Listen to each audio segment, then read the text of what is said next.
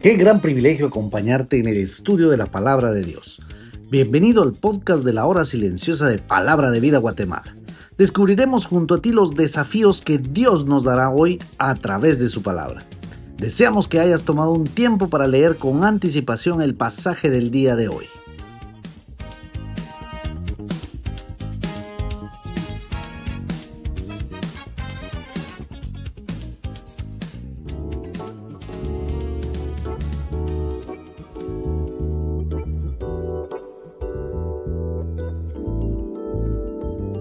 Te saluda Ronnie Ajín y te doy nuevamente la bienvenida al comentario de la hora silenciosa de Palabra de Vida Guatemala. Hoy seguiremos comentando la última parte de este capítulo 12 de la primera carta del apóstol Pablo a los Corintios de los versículos del 21 al 31. El apóstol Pablo quiere dejar bien claro el concepto de que la iglesia de Cristo debe de vivir en unidad. También la iglesia es comparada al cuerpo humano. Pablo dice en el verso 20, pero ahora son muchos los miembros, pero el cuerpo es uno solo. Pablo se refiere en este versículo a la necesidad que como creyentes tenemos de nuestros hermanos. La comparación que Pablo hace de la iglesia de Cristo con el cuerpo es muy sencilla de explicar y entender para su contexto y también para el nuestro. Aunque Pablo está hablando también de cómo los dones pueden ser usados en la iglesia. Sin los hermanos no habría dones. La iglesia de Cristo fue muy bendecida al obtener muchos dones, pero recordemos cómo ellos habían hecho mal uso de ellos, y ahí empezaron las divisiones. Por eso Pablo acude a este ejemplo y enfatiza que el cuerpo humano no puede subsistir si no está completo. El ojo no puede decir a la mano no te necesito ni la cabeza a los pies, que no tiene necesidad de ellos. Antes bien dice el apóstol que los miembros del cuerpo que parecen más débiles son los más necesarios. Esto me hace pensar, ¿quiénes son estos miembros más débiles? Pues en el cuerpo podemos mencionar algunos, pero solo mencionaremos, por ejemplo, nuestros pies. Para tener estabilidad en el cuerpo, al estar parado, caminando, corriendo, si no tuviéramos nuestro dedo pequeño del pie, fácilmente nos caeríamos. No tendríamos estabilidad y este dedo casi no lo vemos, pero es tan necesario para poder hacer nuestra vida diaria.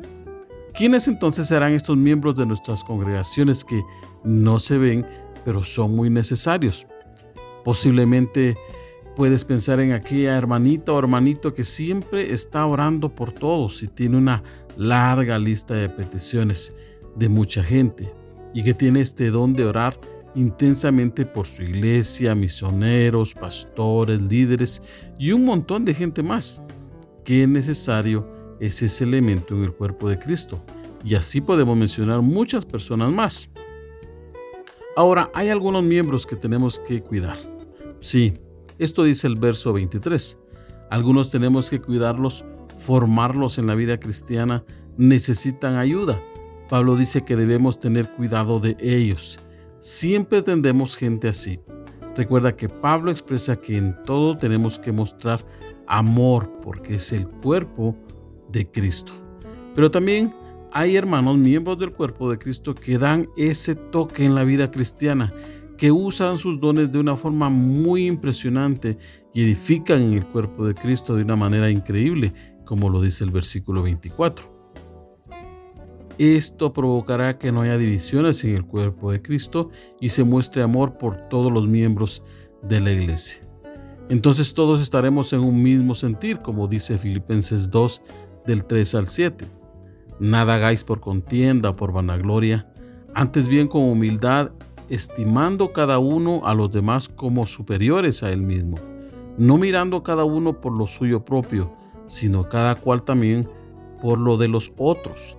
Haya pues en vosotros este sentir que hubo también en Cristo Jesús, el cual siendo en forma de Dios, no estimó el ser igual a Dios como cosa a que aferrarse, sino que se despojó a sí mismo, tomando forma de siervo, hecho semejante a los hombres de manera que si actuamos, según este pasaje, cuando un miembro padece, todos los miembros con él se duelen.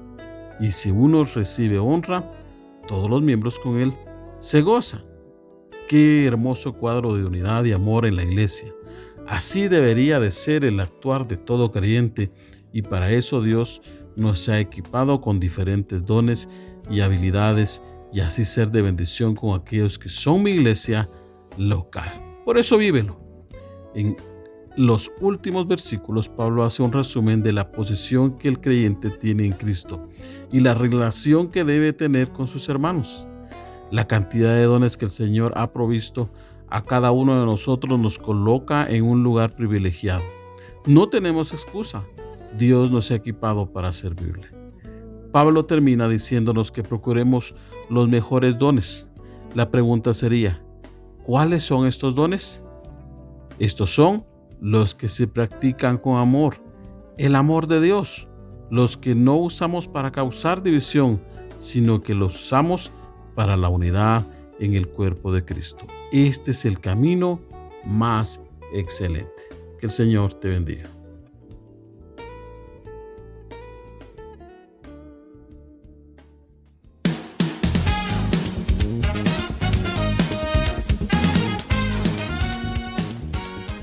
Es emocionante saber los tesoros que Dios tiene en su palabra para nosotros. Ayuda a tus amigos a que descubran la voluntad de Dios para su vida. Comparte este podcast con ellos. No olvides seguirnos en nuestras redes sociales.